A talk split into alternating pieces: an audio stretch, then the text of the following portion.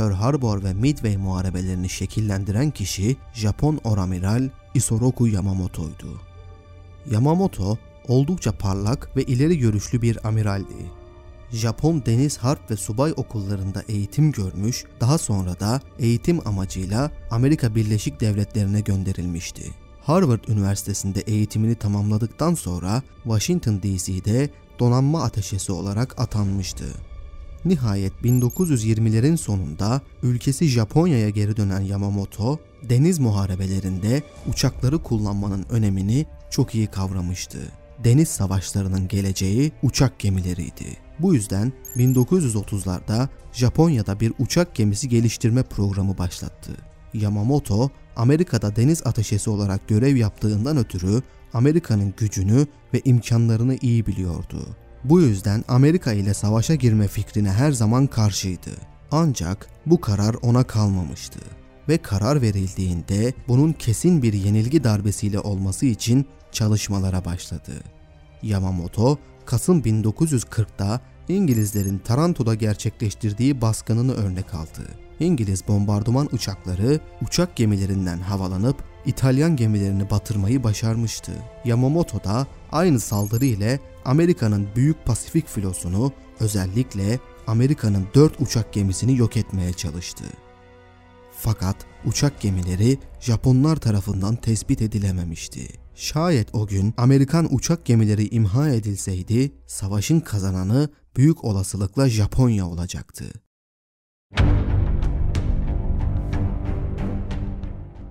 Tsushima Muharebesini takip eden 35 yıl boyunca büyük silahlı savaş gemileri denizlerin hakimiydi. Ancak 7 Aralık 1941'de Pearl Harbor'a yapılan Japon saldırısı yeni bir deniz savaşı çağının başlangıcını işaret ediyordu. Bir zamanlar korkutucu olan savaş gemisinin modası artık geçmişti. Yeni egemen silah uçaklardı. Gerçekten de Pasifik'teki savaş her iki tarafında öngördüğünden farklı gelişti. Önceki deniz savaşlarında olduğu gibi savaş gemilerinin yakın mesafeli çatışması mücadelenin ana manzarası olmadı. Çoğu zaman gemiler birbirini bile görmedi. Bu uçak gemisine karşı uçak gemisi maçlarının en çarpıcı ve en önemlisi 1942 Haziran'ında Midway adası çevresinde yaşanacaktı. 7 Aralık 1941 tarihinde Pearl Harbor'a yapılan Japon baskını beklentileri karşılamamış, hedeflenen uçak gemileri bulunamamıştı. Baskından bir gün sonra 8 Aralık 1941'de Amerikan Başkanı Roosevelt kongrede Japon İmparatorluğu'na karşı harp ilan ettiğini duyurdu.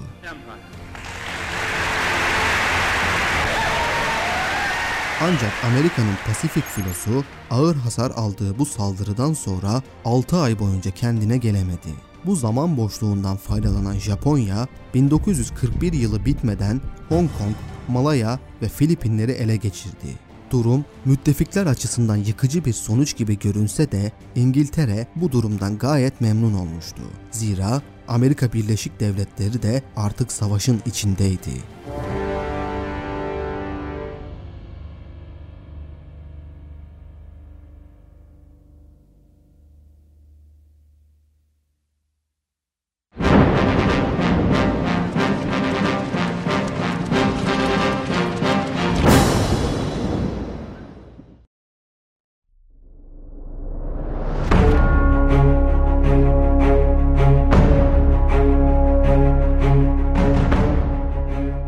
Adolf Hitler'in Amerika'ya savaş ilan etmesiyle birlikte İngiltere daha da rahatladı. Amerika ise 6 aylık zaman zarfında yaralarını sarıp topyekün seferberlik kararı alarak donanma gücünü onardı. Amerikalılar çok öfkeliydi. Artık Japonya ve Almanya'ya karşı sert bir savaşa hazırdı. Amerika evvela Pasifik Okyanusu'nda kaybettiği egemenliği geri kazanmalıydı. Japonlar da artık geri dönülmez bir yola girmişlerdi. Pasifik Okyanusu'nda egemenliği Amerika'ya bırakamazdı. Pasifik Okyanusu'na egemen olmanın yoluysa uçak gemilerinden geçiyordu. Bu yüzden her iki ülkede planlarını karşı tarafın uçak gemilerini yok etmek üzerine kuruyordu.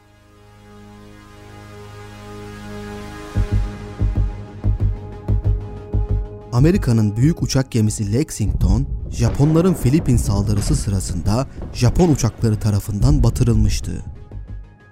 Amerika'nın geriye sadece 3 tane uçak gemisi kalmıştı. Yamamoto, Amerika'nın bu 3 uçak gemisini üstün Japon kuvvetlerinin tuzağına çekip girilecek muharebede batırmak için plan yapmaya başladı. O her zaman karmaşık ve tüm güçlerin kullanıldığı operasyonları tercih etmişti. Geniş bir armadası ve planlanan işgalleri gerçekleştirmek için binlerce askeri taşıyan nakliye gemileri bulunuyordu. Dört büyük uçak gemisinden oluşan ana saldırı gücü Amiral Nagumo tarafından idare ediliyordu. Planın anahtarı Amerikan savunmasının Pearl Harbor'dan önceki son direniş noktası adeta ileri karakolu olan küçük bir adaydı. Midway. Japonların ana saldırı gücü Amerika'nın Midway adasını bombalayarak işgal edecekti. Yamamoto, Amerikalıların Midway'i savunacaklarından ve bu amaçla uçak gemileriyle Amerikan Pasifik filosunun kalıntılarını Pearl Harbor'dan Midway'e göndereceklerinden emindi. İşte tam o anda Japon uçak gemilerinden kalkan uçaklar Amerikan uçak gemilerini bombalayarak batırıp denizin derinliklerine göndereceklerdi. Böylece uçak gemilerinden mahrum olan Amerika'nın Pasifik denizinde egemen olma ihtimali kalmayacaktı. Plan gerçekten de kusursuzdu.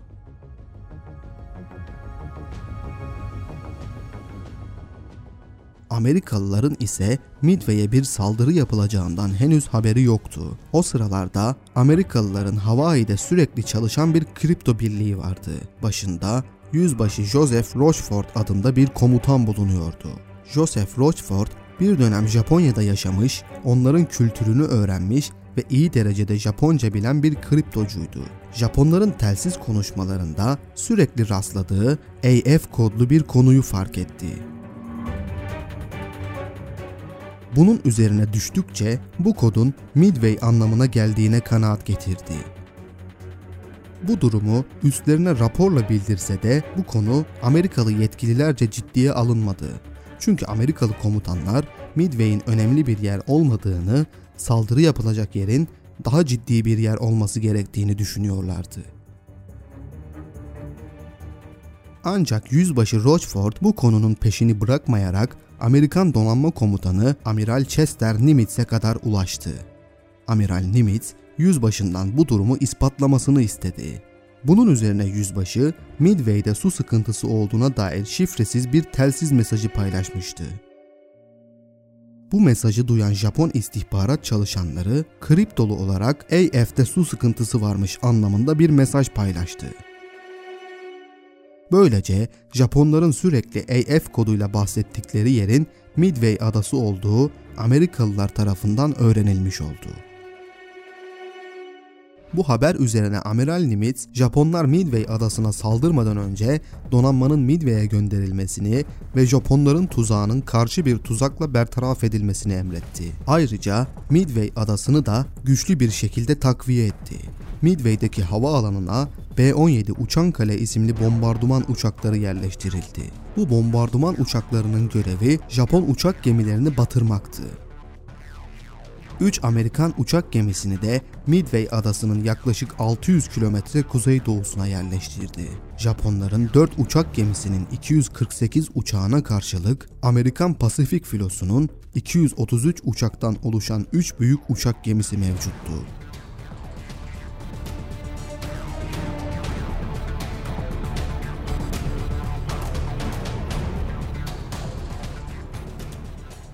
Japonlar adaya Amerikan takviyesinin geldiğinden habersiz olarak bir saldırı başlattılar. 4 Haziran 1942 sabahında Japon filosu 108 uçaklı bir saldırı gücüyle Midway adasını bombalamak için saldırıya geçti.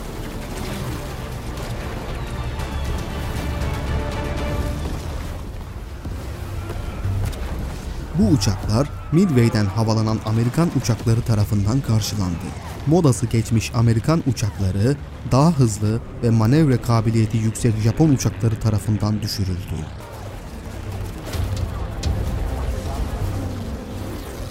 Midway havalimanı Japon uçakları tarafından bombalandı. Bu arada her iki tarafta karşı tarafın uçak gemilerini arayıp bulmak için keşif uçakları gönderiyordu. Japon keşif uçakları kruvazörlerden mancınıkla fırlatılmıştı.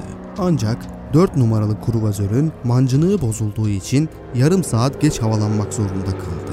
Şans eseri bozulan bu 4. numaranın keşif için görevlendirildiği sektör Amerikan uçak gemilerinin olduğu bölümdü. Bu arada Amiral Fletcher en az iki Japon uçak gemisinin yerini bildiren raporlar almıştı. Sabahın erken saatlerinde Hornet ve Enterprise 67 dalıcı bombardıman uçağı ve 29 torpido uçağının da dahil olduğu 116 uçaklık bir saldırı gücünü hedeflere gönderdi.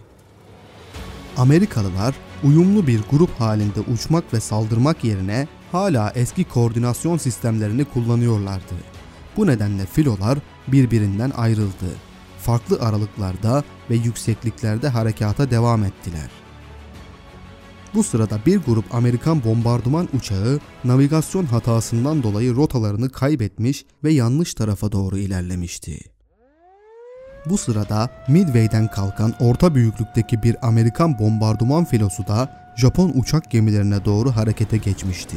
Japon uçak gemilerine ilk ulaşan uçaklar Midway'den kalkan 37 bombardıman uçağıydı.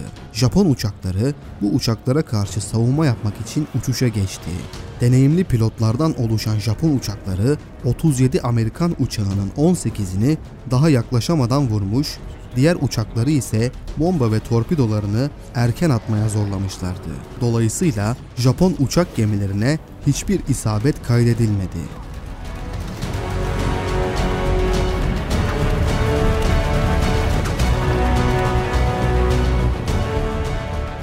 Daha sonra Amerika'ya ait 14 tane B-17 bombardıman uçağı yüksek irtifadan saldırı turuna başladı. Bombalarını Japon uçaklarının onlara ulaşamayacağı bir yükseklikten bıraktılar. Ancak herhangi bir Japon gemisine tek bir isabet bile kaydedememişlerdi. Oramiral Yamamoto, Amiral Nagumo'ya emrindeki uçakların yarısını Amerikan uçak gemilerinin ortaya çıkması durumunda kullanılmak üzere yedekte tutulmasını emretmişti. Fakat Nagumo bu emre itaatsizlik etti. Bu uçakların Midway adasına ikinci bir saldırı başlatması için bombalarla silahlandırılmasını emretti. Tam o sırada Japonların 4 numaralı keşif birliği Amerikan uçak gemilerinin yerini tespit ettiğini telsizle bildirdi. Ancak artık çok geçti. Hornet, Enterprise ve Yorktown uçak gemilerinden havalanan yaklaşık 100 Amerikan uçağı Japon uçak gemilerini bulmuş ve uçak gemilerini batırmak için saldırı turu başlatmıştı.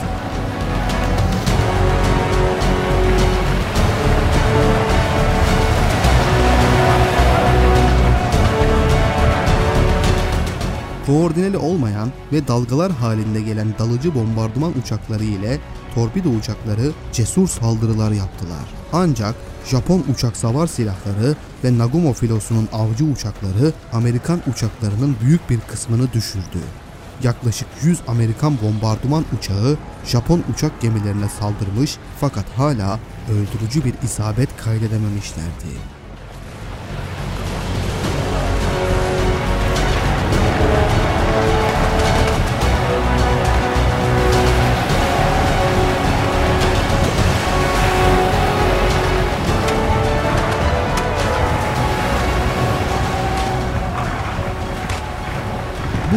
hızlı bir savaş sürerken okyanus üzerinde kaybolmuş olan bir grup Amerikan bombardıman uçağı yakıtları bitmek üzere olduğundan geri dönüş manevrasına başladılar.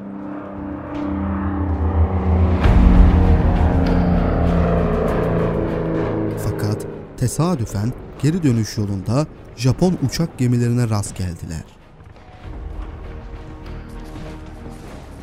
Japonların avcı uçakları Amerikan torpido ve bombardıman uçaklarıyla savaşırken arkadan gelen Amerikan bombardıman uçakları fırsattan istifade ile bütün bombalarını 3 Japon uçak gemisi üzerine bıraktılar.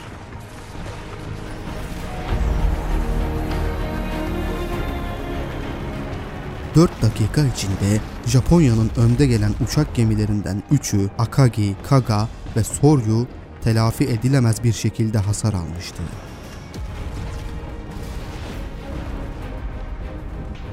Japonların elinde kalan son uçak gemisi Hiryu elinde kalan son dalıcı bombardıman uçaklarını havalandırmış ve Amerikan uçak gemisi Yorktown'a göndermişti.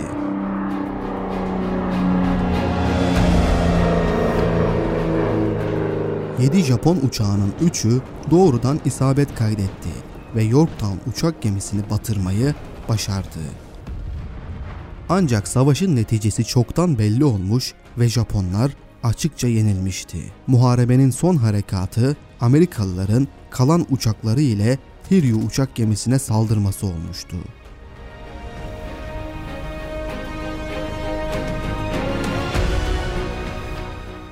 Dört bomba isabeti alan Japon uçak gemisi alevler içinde kaldı.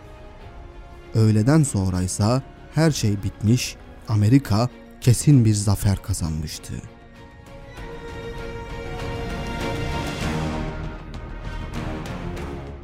Midway Muharebesi Pasifik Savaşı'nın dönüm noktasıydı. Midway'de yaşanan 4 dakikalık hareketlilik Pasifik'teki güç dengesini tamamen değiştirmişti. Midway Muharebesi'nden önce Japonlar uçak gemisi bakımından sayıca üstündü.